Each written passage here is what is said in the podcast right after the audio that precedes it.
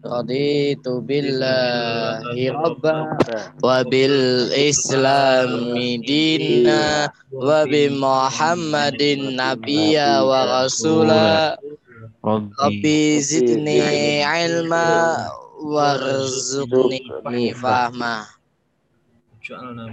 Waj'alna minas solihin Alhamdulillah ya. Kita pada pagi ini akan membahas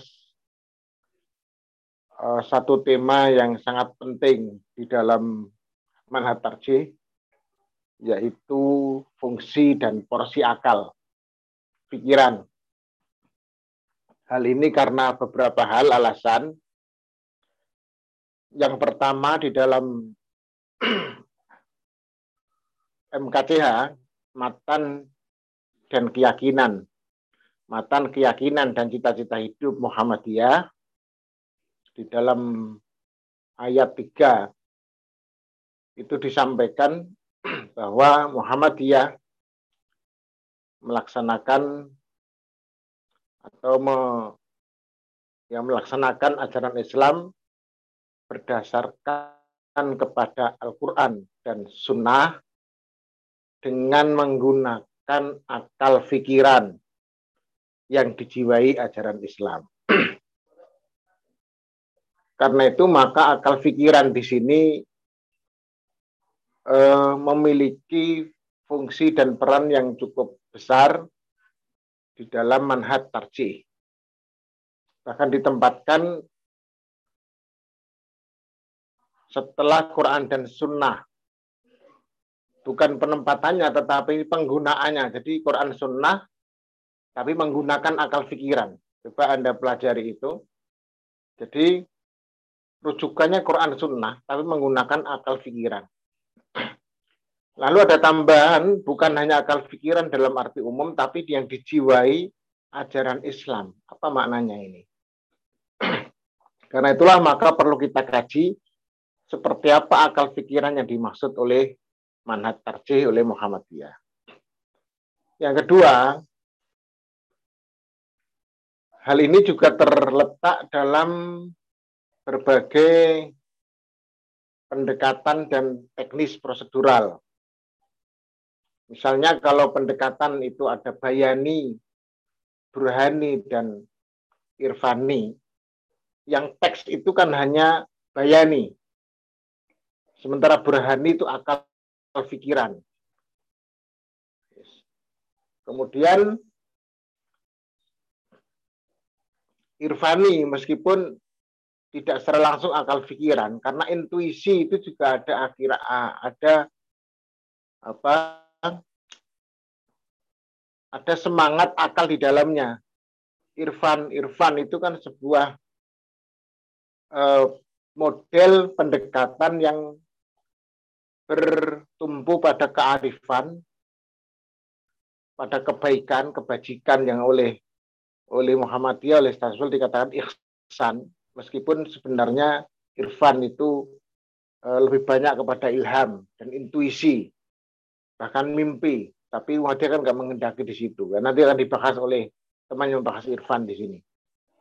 Tapi bagaimanapun Burhan dan irfan itu dua-duanya jelas mengandalkan akal pikiran.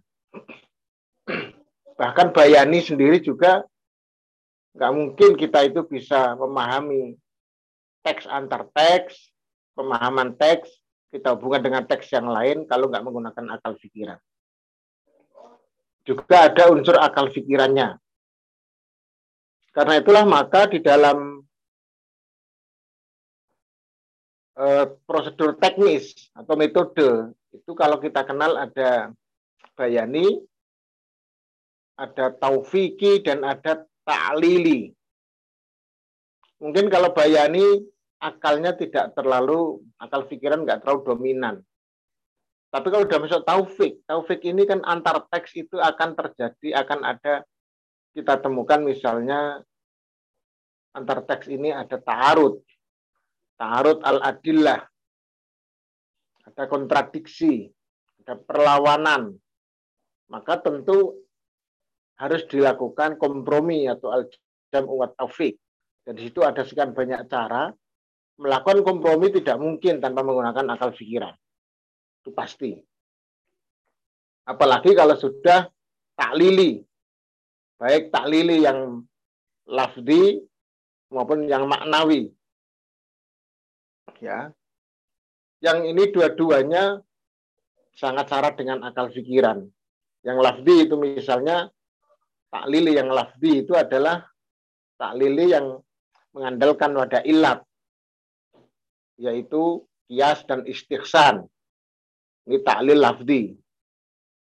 Sementara maknawi adalah ilat umum atau makosid syariah, yaitu maslahah, makosid sendiri, kemudian sadud dariah, ya. Ini semua adalah masuk di dalam atau uruf, tambah uruf lagi. Uruf itu juga maslahah yang umum, masalah amah atau makosid syariah itu. Ini sangat sangat jelas akal pikiran masuk untuk melakukan ini. Karena itulah maka dengan tiga alasan ini kita harus mengupas bagaimana fungsi dan penggunaan akal dalam menetarji ini agar agar jelas. Nah, tema pagi ini kita akan mengupas itu. Nah, seperti apa nanti kita dengarkan dulu. Sebenarnya akal pikiran ini sudah kemarin ya, tapi kan temanya khawatir panjang, jadi saya minta untuk diakhirkan. Cuman ke depannya sepertinya khawatir kurang waktu, maka nanti pendekatan pendekatan itu kita kita bagi saja lah, atau seperti apa nanti kita lihat lihat lagi di RPS-nya. Silakan akal pikiran, monggo Mas Rifki sama Mas Ridwan.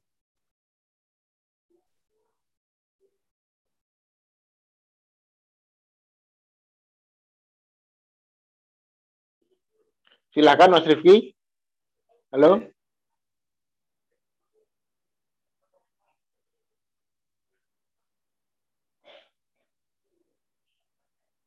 Halo. Kok enggak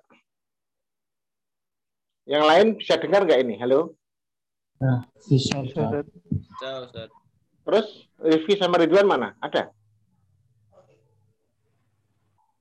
Kok dua-duanya nggak? Ada komennya? Halo Ridwan, Rifki?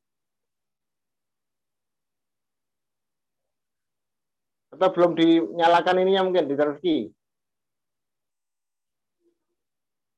Mikrofonnya. Mikrofonnya dinyalakan.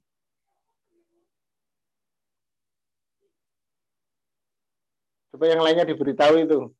Saya belum dengar ya suara Rifki Syahriduan. Barusan masuk itu, Seth. Oh, barusan masuk.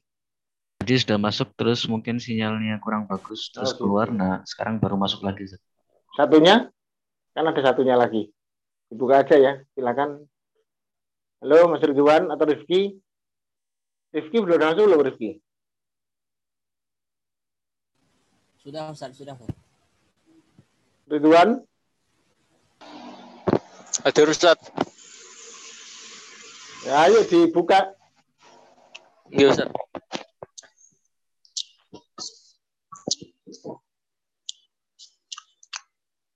Bismillahirrahmanirrahim. Assalamualaikum warahmatullahi wabarakatuh.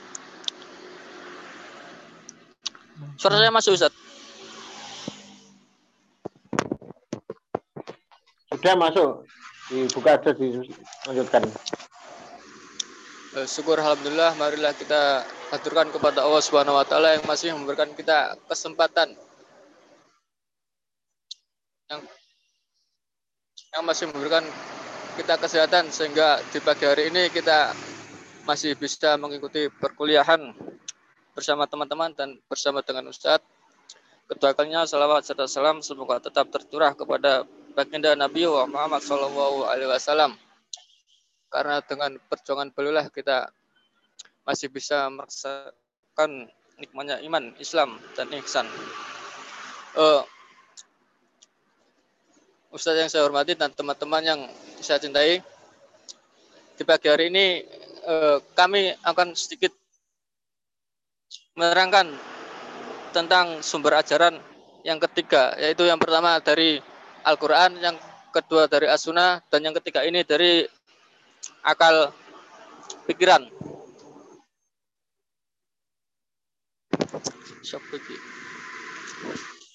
Mas Badru bisa dilanjut slide-nya Mas Badru.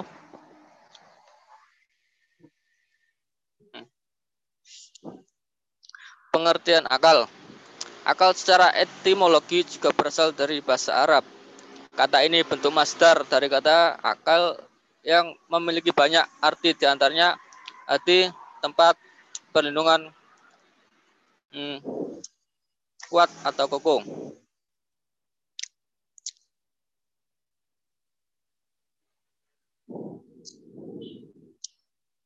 Kata akal berasal dari kata dalam bahasa Arab yaitu al-akl.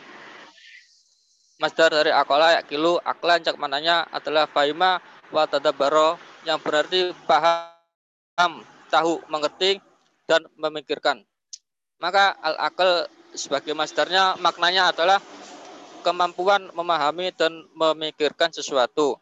Sesuatu itu bisa diungkapkan eh, sesuatu itu bisa berupa ungkapan, penjelasan, fenomena dan lain-lain. Semua yang ditangkap oleh panca indera. Adapun letak akal dikatakan di dalam Al-Quran surat Al-Hajj ayat 46 yang artinya Bentar dulu, Mas Badru, siapa yang menjalankan ini? Menjalankan siapa? Tolong diikuti penyampaiannya. Yang menjalankan uh, slide slide-nya. PPT-nya siapa PPT-nya? Halo?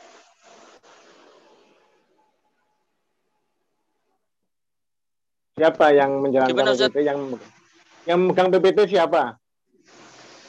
Halo. Mas Badru, Ustaz. Halo. Mas Badru, ikuti, ikuti apa yang disampaikan. Jalankan, ya. jangan jangan di situ terus. Nanti. Ya itu masih masih sebelumnya Mas Badru. Masih di sini kan? Ya. Masih di situ. Ya. Oh ya sudah. Ya oke. Okay. Dalam surat Al-Hajj ayat 46 yang artinya maka apakah mereka tidak berjalan di muka bumi?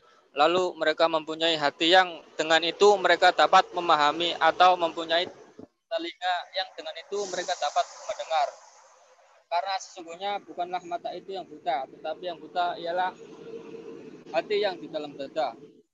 Dari eh, ayat surat Al-Hajj ayat 46 ini kita tahu bahwa al-aql itu ada di dalam al-qalb karena seperti yang dikatakan dalam ayat tersebut, memahami dan memikirkan itu dengan uh, al-qalb yang kerja dan kerja memahami dan memikirkan itu dilakukan oleh al-akal.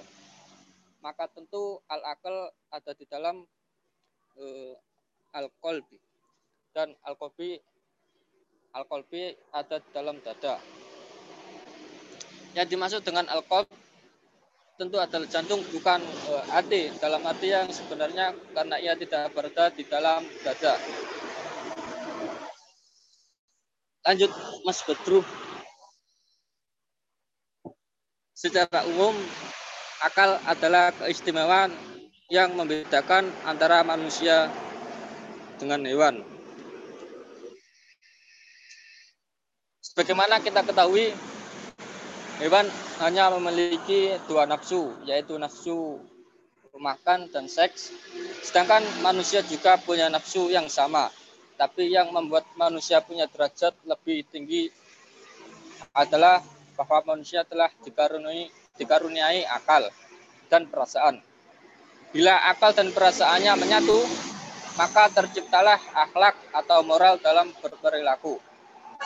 Jadi kesimpulan satu-satunya yang membedakan antara manusia dan binatang dan hewan adalah moral atau akhlaknya.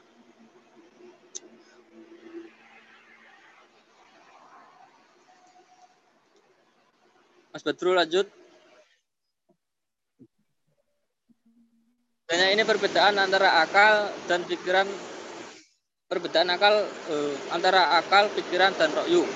Menurut Muhammad Royas, Ra'yu yaitu segala sesuatu yang dilewati manusia setelah melalui proses berpikir. Jadi di sini dapat disimpulkan bahwa ro'yu merupakan hasil dari suatu paranungan dan pemikiran yang bertujuan untuk memberikan solusi terhadap suatu permasalahan eh, permasalahan hukum yang belum pernah ada sebelumnya di dalam nas untuk kemaslahatan hidup manusia dengan menggunakan kaidah yang telah ditetapkan.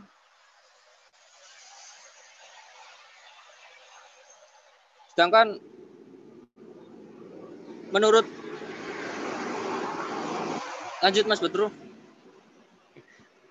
ya, eh, dan perbedaannya rakyu adalah pendapat merupakan prinsip prinsip hukum yang berbeda di bawah Al-Quran, Sunnah, Al-Ijma dalam menyelesaikan masalah permasalahan yang muncul. Sedangkan akal pikiran menurut Quraisyab eh, yaitu sumber utama yang dapat mengetahui sebagian besar dari kemaslahatan dan keburukan yang berkaitan dengan urusan duniawi. Di sini perlu digarisbawahi bahwa akal dan rokyu memiliki perbedaan dalam pengertiannya. Akal adalah subjek alat pelaku yang melakukan pemikiran. Sedangkan rokyu adalah suatu hasil atau objek dari proses pemikiran yang bertujuan untuk mencari kebenaran atau solusi dari suatu hukum yang tidak ada di dalam Al-Quran dan hadis. Dan selanjutnya akan bisa disambungkan oleh uh, saudara Rifki Yohanda. Rifki.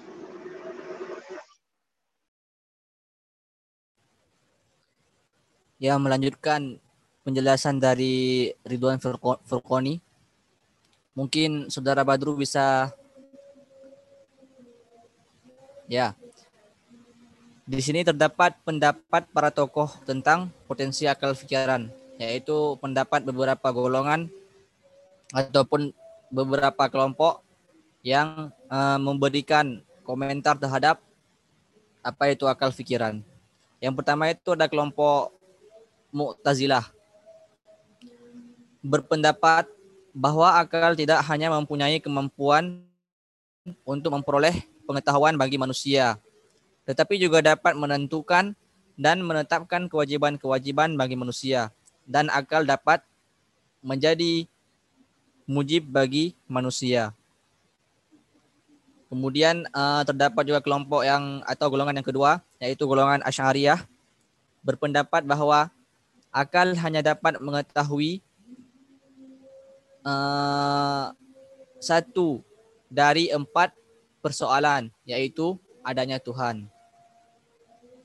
Kemudian uh, pendapat dari golongan ataupun kelompok yang ketiga yaitu kelompok atau golongan Muturudiyah Samarkhan berpendapat bahwa tiga dari empat persoalan itu dapat diketahui oleh akal, yaitu mengetahui adanya Tuhan, mengetahui kewajiban berterima kasih kepadanya, mengetahui baik dan buruk. Lanjut Mas Badru. Di sini kelompok Maturidiyah memberikan uh, dua pendapat mereka. Yang pertama dari Samarkand yang telah disebutkan. Kemudian yang keduanya Maturidiyah dari Bukhara berpendapat bahwa akal tidak dapat mengetahui kewajiban-kewajiban.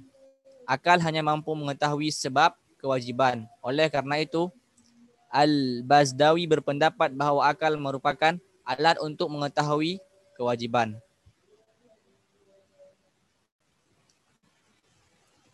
dalam hal ini uh, Buya Hamka juga memberikan beberapa komentar terkait akal fikiran karena ia menyeru untuk segenap orang Islam agar menggunakan akal yang berpedoman dalam berfikir. Maka apa yang dimaksud dengan akal berpedoman itu uh, telah disimpulkan oleh Buya Hamka dalam beberapa aspek yaitu akal yang dipandu oleh wahyu Allah yang diajarkan oleh Nabi. Kemudian yang kedua, akal yang dipandu oleh akhlak yang baik dan akal yang dipandu oleh urgensi perubahan konteks dan perjumpaan dengan pengetahuan baru yang terus-menerus. Uh, karena jika manusia menggunakan akal yang mungkin Mas Badul dilanjut itu ya PPT ya. Karena jika manusia menggunakan akal yang berpedoman ini maka dapat uh, meraih uh, ilmu yang bermanfaat dan derajat yang tinggi.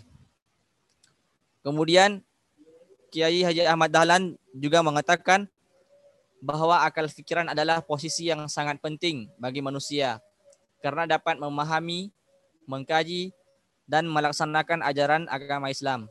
Kemudian akal juga menjadi sumber ilmu pengetahuan setelah wahyu, yaitu Al-Quran bagi umat Islam. Mungkin hanya, hanya ini yang dapat kami sampaikan. Kurang lebihnya mohon maaf. Ya. Saya ucapkan terima kasih. Assalamualaikum warahmatullahi wabarakatuh. Assalamualaikum warahmatullahi wabarakatuh. Uh, ini yang dibicarakan baru pengertian sama pentingnya akal ya. Bagaimana akal digunakan di dalam manhat tarjih belum tergambarkan di sini. Kemudian juga eh, metode-metode yang ada ya sejauh mana akal pikiran itu bisa masuk dan di sini perlu ada ada sebuah ada deskripsinya agar para ulama Muhammadiyah bisa mengaplikasikan metode-metode itu atau fungsi dan dan kadar akal itu masuk di dalam memahami wahyu. Belum nampak di sini ya. Silakan teman-teman kalau mau menanggapi, menanyakan maupun memberikan kritikan tentang tema akal yang tadi saya katakan. Ada enggak? Monggo. Silakan enggak apa-apa bertanya. Nanti kalau memang eh, pembicara bisa menjawab, nanti silakan ditanggapi, dijawab. Nanti saya juga ikut akan membantu untuk menyampaikan sebagai hal-hal yang yang perlu kita kaji pada tema ini. Silakan ada yang mau bertanya? Van Ustaz, uh, saya mau bertanya Ustaz. Ya, silakan. Uh, ini Ustaz mungkin ingin lebih membutuhkan penjelasan saja Ustaz terhadap yang uh, penginterpretasian bayani, taufiki dan tali penjabaran lebih luasnya uh, dan pembedaannya sebagaimana gitu Ustaz. Syukran. Ya. Oke, kalau ini nanti akan dibicarakan ketika kita membahas bayani ya, taufiki dan taklili ya. Nanti saya bicarakan. Sebelum itu, ada yang mau menanggapi tentang akal pikiran dikaitkan dengan manhaj. Apa sih yang dimaksud dengan akal pikiran yang dijiwai oleh ajaran Islam? Apakah itu yang dimaksud dengan pernyataan dari Hamka tadi bahwa akal pikiran yang berpedoman kepada wahyu akal pikiran yang berpedoman kepada akhlak, akal pikiran yang berpedoman kepada apa satunya tadi, kepada budi pekerti bukan ya, kepada konteks ya, perubahan zaman. Apa itu yang dimaksud dengan akal pikiran berwahyu itu apa? Ada nggak teman-teman yang bisa sebenarnya pemakalah bisa coba mencari eh, tafsir dari dari MKCH ya. Mungkin ditulis di SM ada atau di ideologi Muhammadiyah atau ada manhat tarjih di miliknya Pak Haidar yang dimaksud dengan akal yang dijiwai oleh ajaran Islam itu apa? Di sini maksudnya apa? Kok akal dijiwai oleh ajaran Islam? Adakah yang mau memberikan komentar?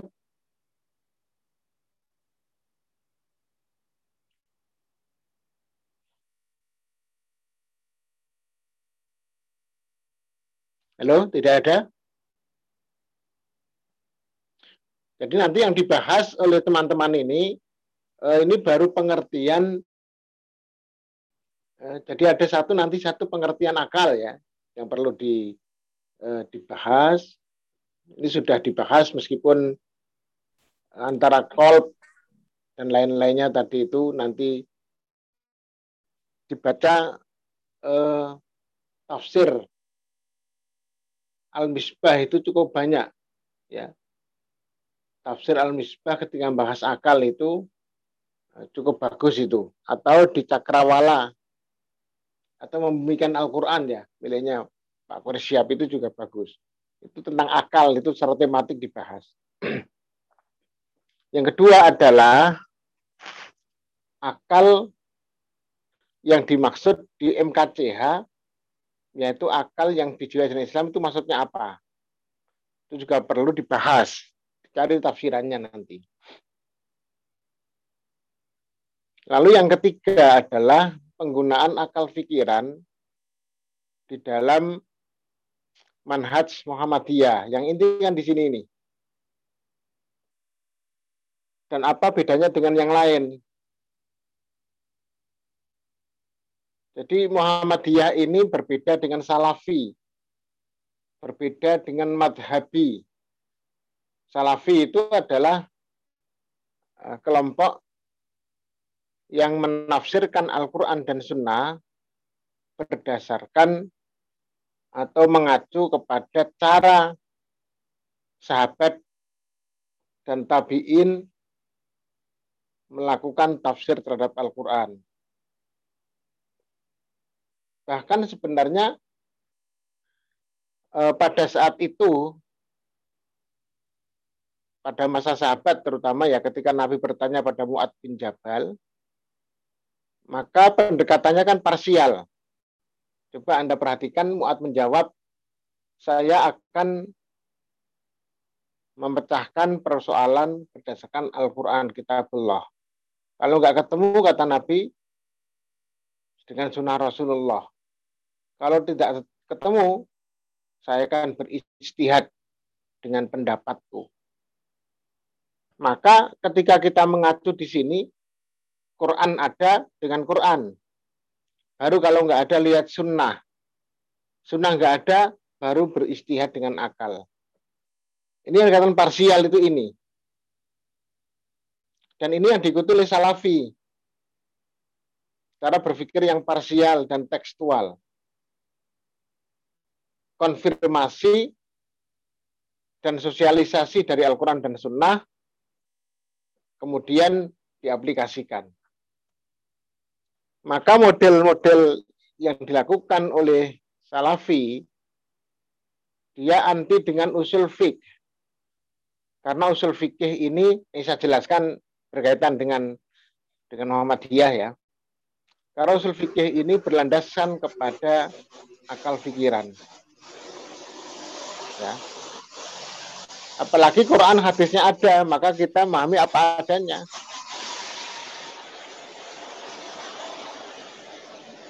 Eh, kok ada kresek-kresek ya? Sik, sik. Oh, Mas Ridwan dimatiin dulu. Eh, maka misalnya saya beri contoh tentang isbel. Isbel. Ispel itu kan ada dua dalil. Yang pertama ada dalil yang bersifat umum atau global. Apa pun bentuk isbal itu haram. Yang kedua adalah isbal yang itu oleh Nabi dibatasi oleh sombong, kesombongan. Jadi isbal kalau sombong itu yang haram. Dibuktikan dengan eh, pernyataan Nabi ketika ditanya oleh Abu Bakar tentang dirinya yang sarungnya selalu turun ke bawah. Di mana Nabi itu mengatakan kamu nggak termasuk isbal karena kamu bukan sombong. Di dalam pendekatan salafi, maka tidak dikenal dengan pendekatan ini adalah mutlak mukoyat. Karena mutlak mukoyat itu kan cara pendekatan akal. Teori-teori akal itu. Ada mutlak, ada mukoyat. Yang mutlak itu harus dibawa kepada takyir. Itu nggak ketemu di antara mereka. Adanya teks. Ketika sunnah sudah bilang A, ya sudah. Allah melarang. Nabi melarang untuk isbal, ya isbal.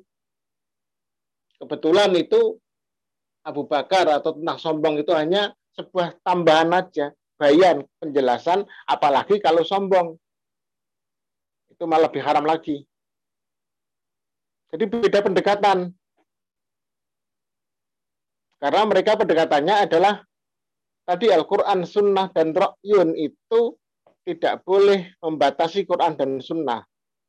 Ini bentuk salafi. Maka adanya Quran hanya sunnah saja. Itulah bedanya ketika kita arruju ilal Quran was sunnah di Salafi dan Muhammadiyah itu di sini.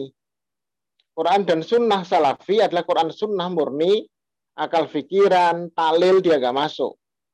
Muhammadiyah talil itu masuk.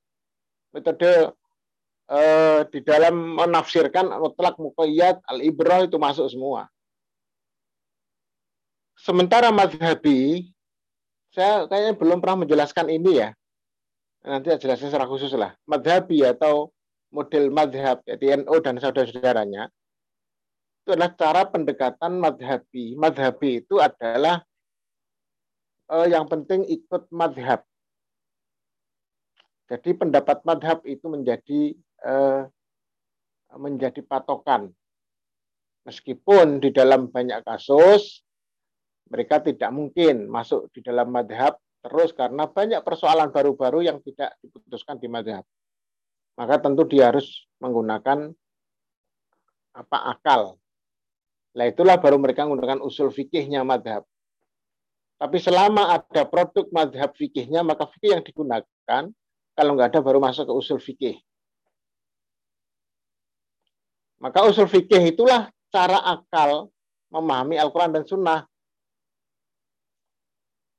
Maka kalau Anda mengikuti dua aliran besar dalam usul fikih, pertama aliran fukoha.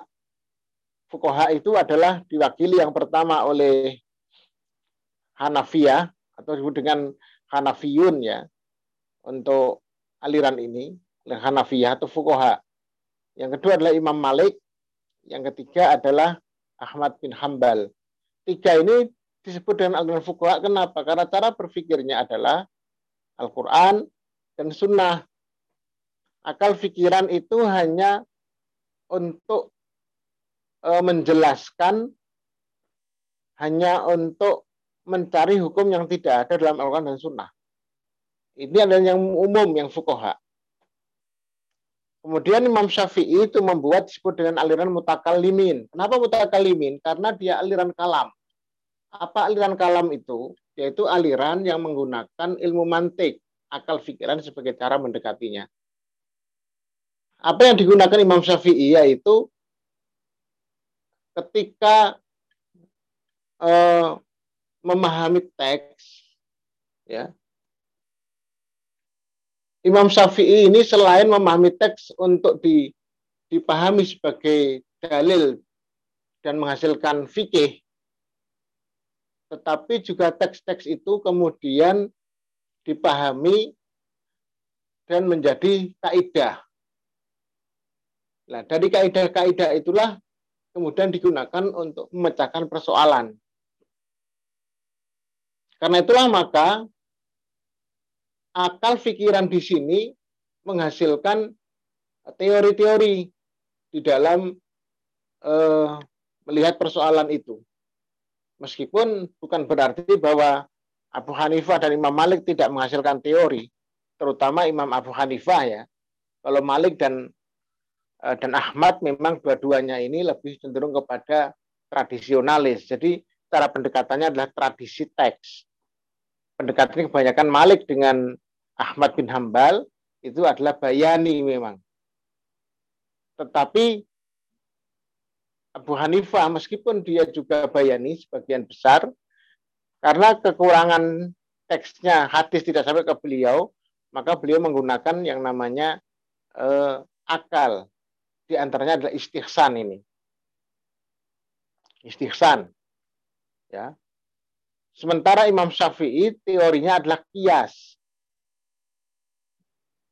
Dan yang lain-lainnya, kaidah-kaidah yang muncul itu dari kalangan mutakalimin.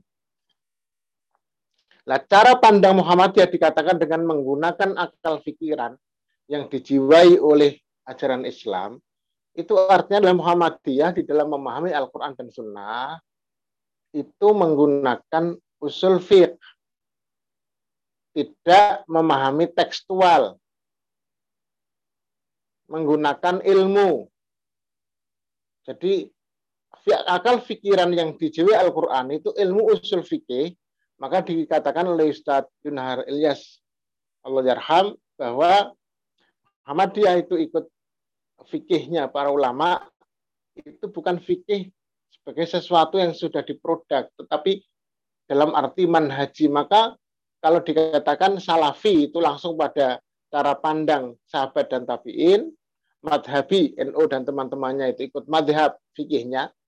Muhammadiyah dikatakan eh, model pendekatannya adalah manhaji.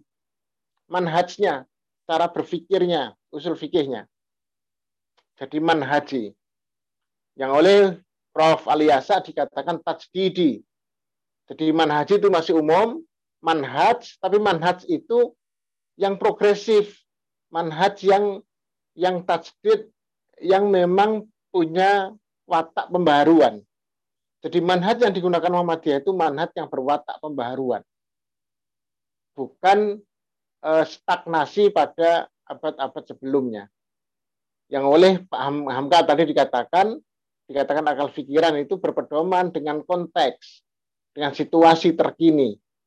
Itu yang disebut dengan tasdidi, manhaji tasdidi, yang itu digambarkan oleh Muhammadiyah, kemudian masuk dalam pendekatan Makanya pendekatan Muhammadiyah bukan hanya bayani, tetapi juga burhani, lalu burhani juga dengan irfani.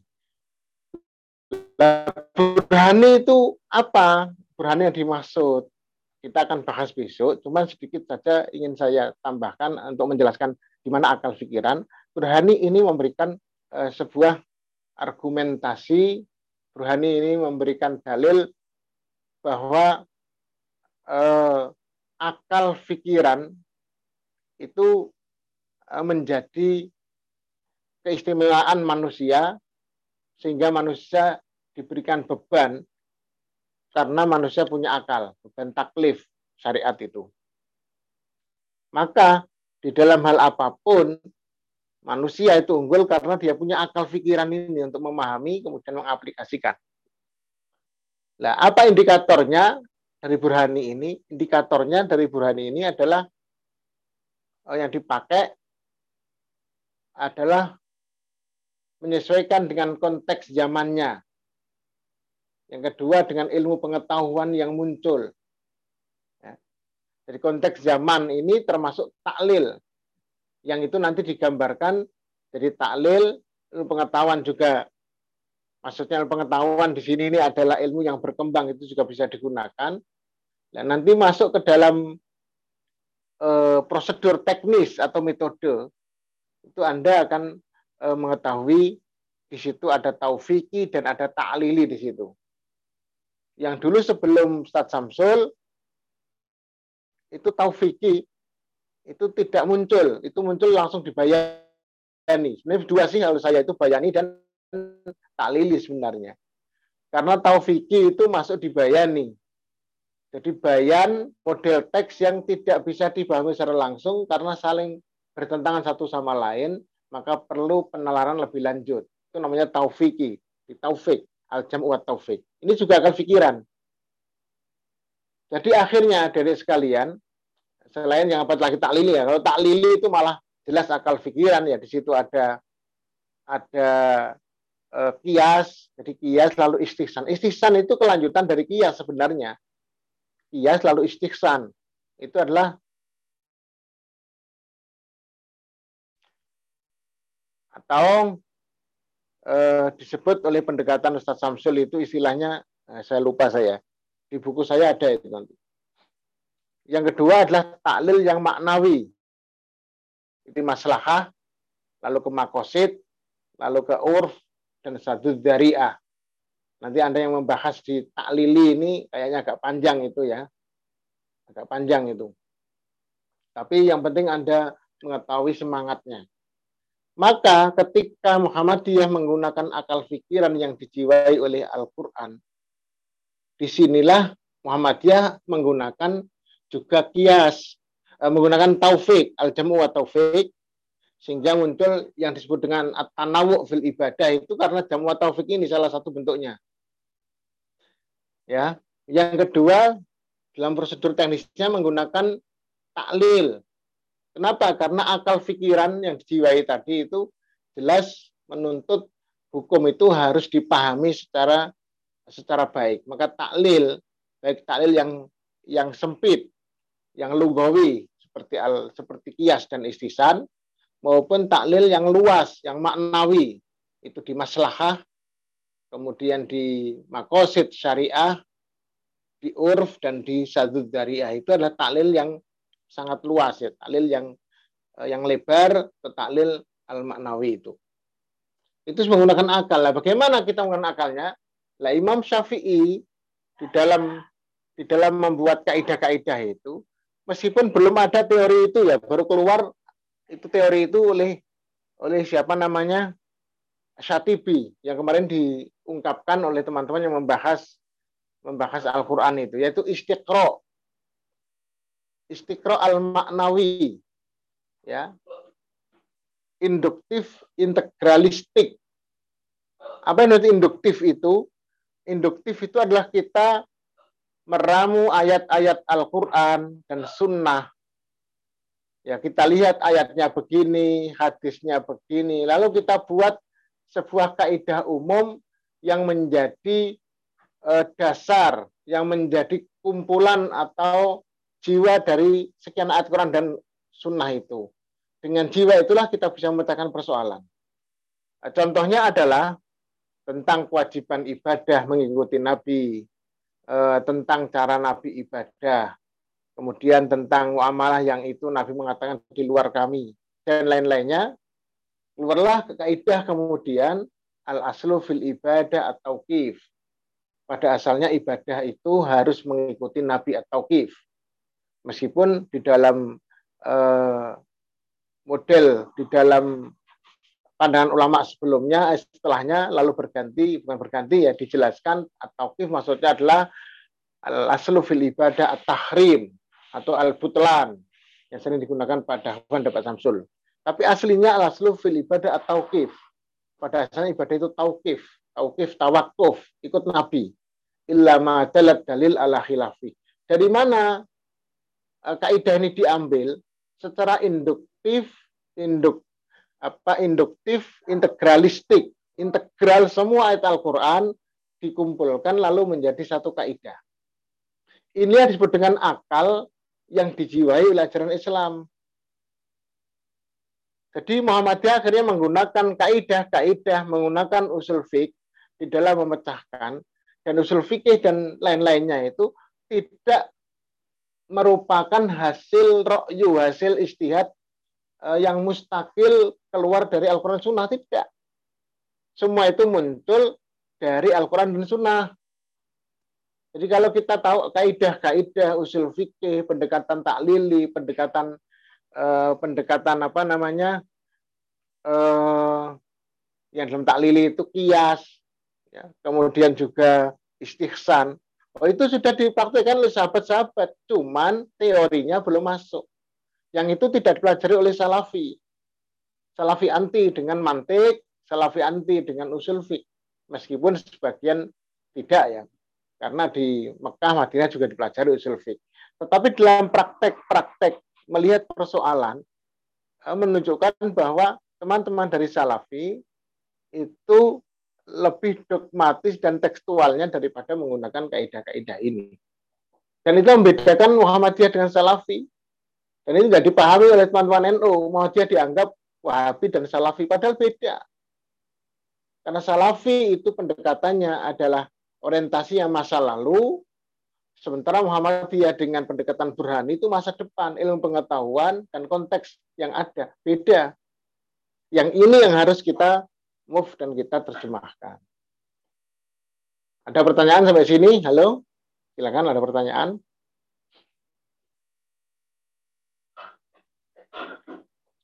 Boleh chat kalau memang tidak secara langsung, boleh aja di sini. Kita diskusi ini sebelum dibahas oleh teman sambil memberikan masukan lah kepada Mas Ridwan dengan siapa tadi yang membahas ini.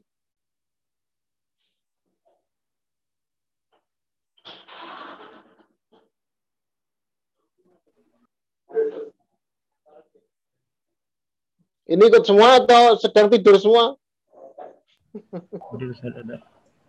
masih masih berpikir ada satu yang baru enggak? Ya, silakan kalau ada tanggapan. Ada enggak satu yang baru yang Anda dapatkan ini? Uh, mengkonfirmasi mungkin Ustaz. Berarti uh, apa akal pikiran di dalam ya manhaj ini ataupun di dalam Islam ini merupakan ini Ustaz ya. Jadi pengembangan dari uh, kalau yang istiqro manawi itu pengembangan dari pemaknaan Al-Qur'an dan sunnah sehingga jadi sebuah teori. Nah, teori itu yang menjadi kerangka akal pikiran itu, Ustaz. Iya. Jadi jangan dipandang bahwa akal pikiran itu terlepas dari Al-Quran dan Sunnah. Jadi teori-teori yang kita pakai, nanti kita buktikan lah di kias misalnya.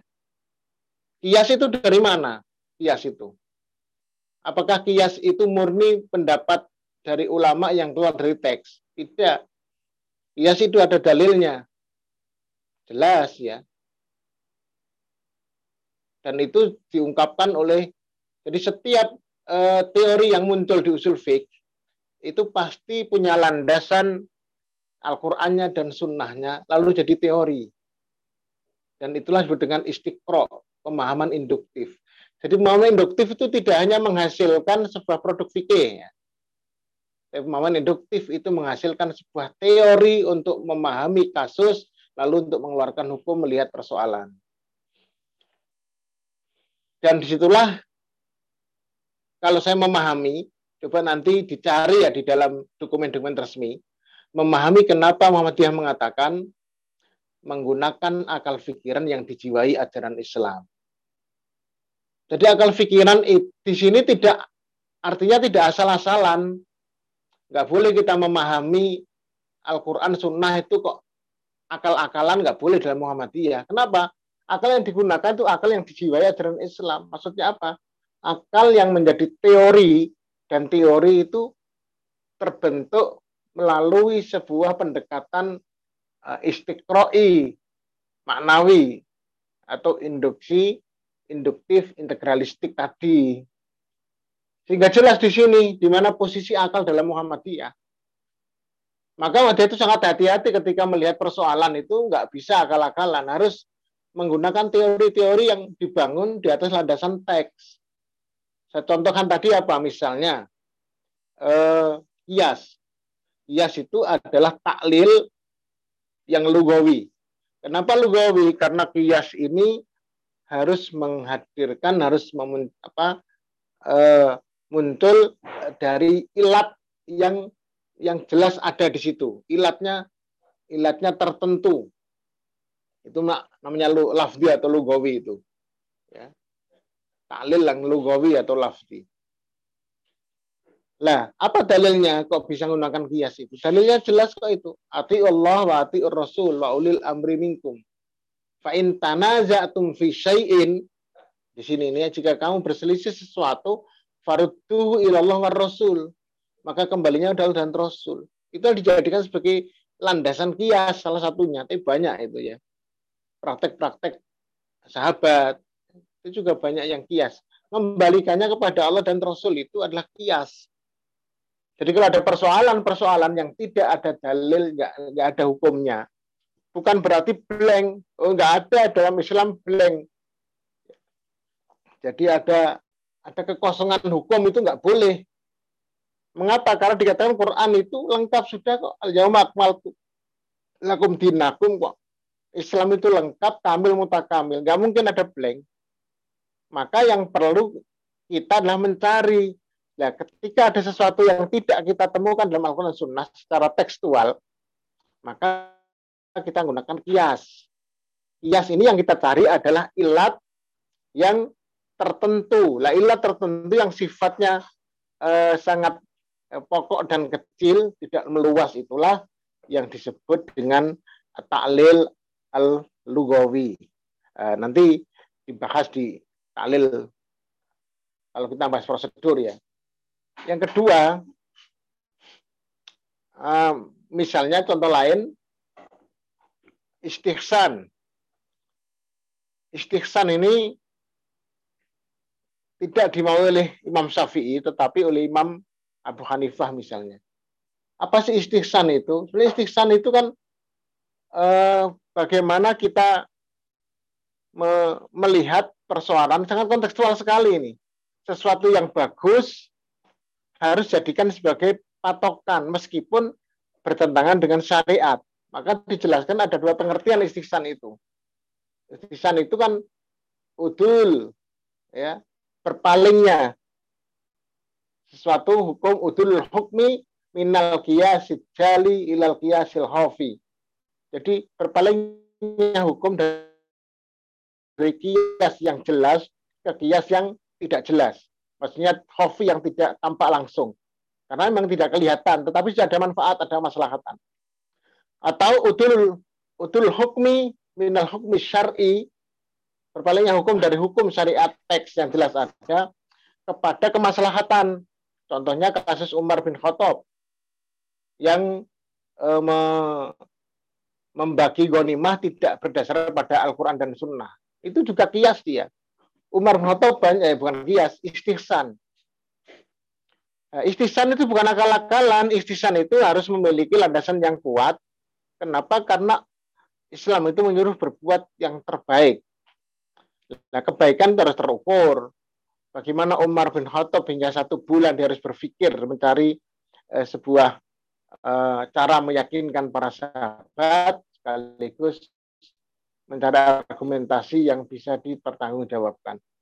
Artinya bahwa tadi Anda sudah mengatakan tepat, ingin saya jelaskan di sini yang dimaksud oleh oleh MKCH berlandaskan akal pikiran yang dijiwai ya, dijiwai ajaran Islam.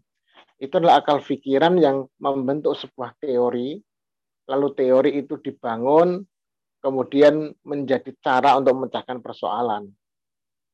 Ya, yang tujuannya adalah Islam itu akan sesuai dengan zaman kapan pun dan tidak anti ilmu pengetahuan inilah yang dikatakan tajdidi di sini ini. Maka dikatakan metode Muhammadiyah, manhajnya itu manhaj tajdidi atau manhaji kalau itu fikihnya. Tapi kita tajdidi, ya, tajdid.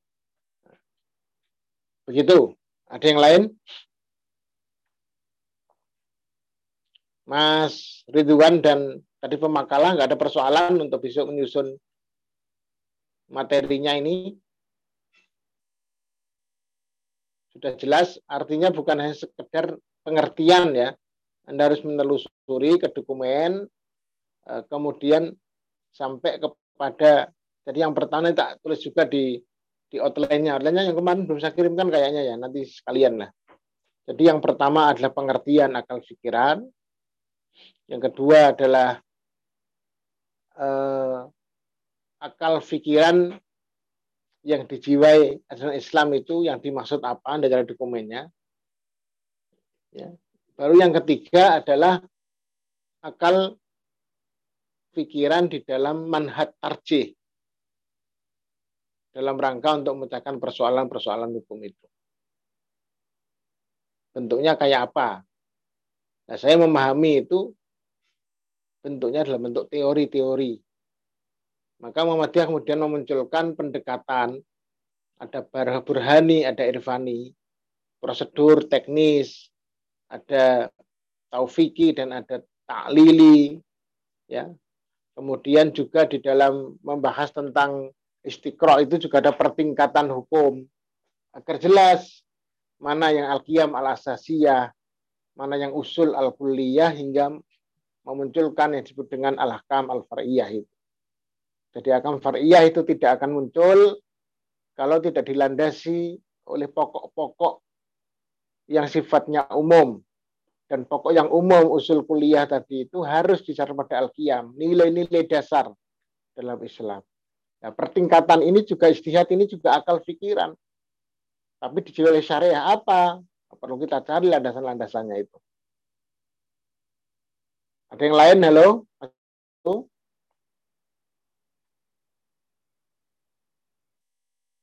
Sudah jelas? Insya Allah, Ustaz. Ya, pemakala? Tidak ada masalah?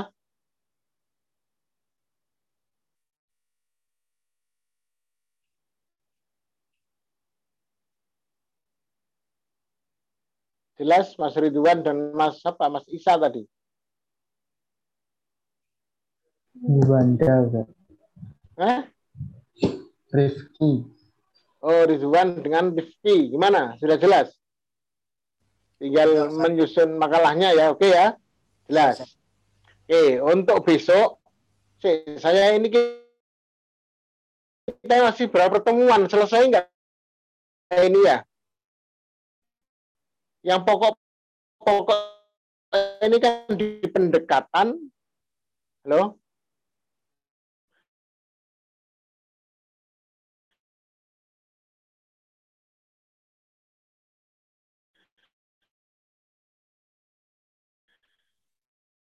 Pendekatan itu kan ada itu kapan? Seharusnya sekarang ya.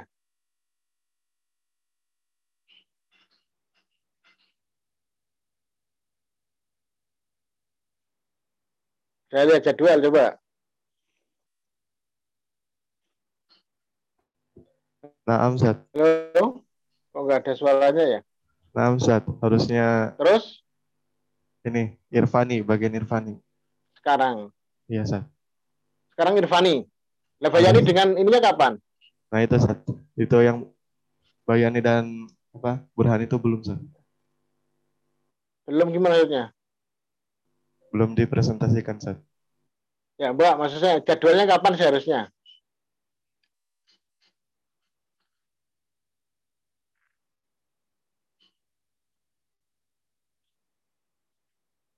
Berarti sumber ajaran kemarin seharusnya Quran, Sunnah, dan akal jadi satu seharusnya ya? Berarti kurang waktu kita ini. Yang sunnah sama akal jadi satu. Oh gitu. Terus sekarang seharusnya Bayani, Burhani. Kalau di jadwal sekarang itu materi 16, Ustaz. berarti Apa? satu presentasi. Apa itu? Irfani. Ya, Ustaz. Materi 16 Irfan, Ustaz.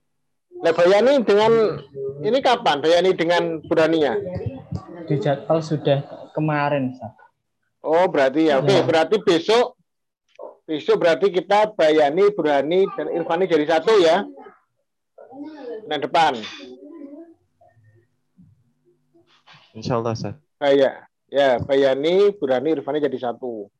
Jadi saya eh, seharusnya kemarin lusa itu Quran Sunnah dan akal jadi satu seharusnya kayaknya ya. Nggak apa-apa, berarti besok itu Bayani, Burhani, dan Irfani. Berarti kita ada pertemuan ke berapa ini? Ke 7, 8, 9 ya? 8 kan ujian, terus 9 kemarin, 10 sekarang ya? Sekarang ini 10. Kalau ini 10 berarti tinggal 4 kali lagi dong. Nah, berarti harus kita habiskan 4 kali lagi itu kan masih ada eh, gini berarti eh, besok itu Bayani, Burhani, dan Irfani kan empat kali lagi. Empat kali dengan ujian, tinggal tiga kali lagi berarti ya.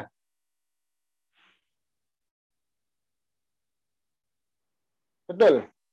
Ini kan dua kali ini tambah kita enam kali, empat kali betul empat kali. Lima kali dengan ujian. Masih empat kali. Berarti Bayani, Burhani, dan Irfani jadi satu besok. Terus besok lusa itu adalah Bayani, eh, ya Bayani dengan eh, Taufiki jadi satu. Tak Lili sendiri. Baru terakhir adalah pertemuan Al-Qiyam Al-Asasiyah sampai ke Al-Kam Al-Fariyah.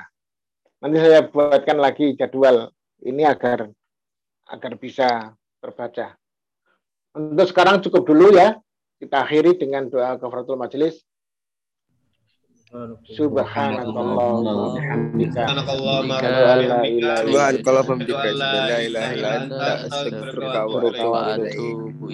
Assalamualaikum warahmatullahi wabarakatuh.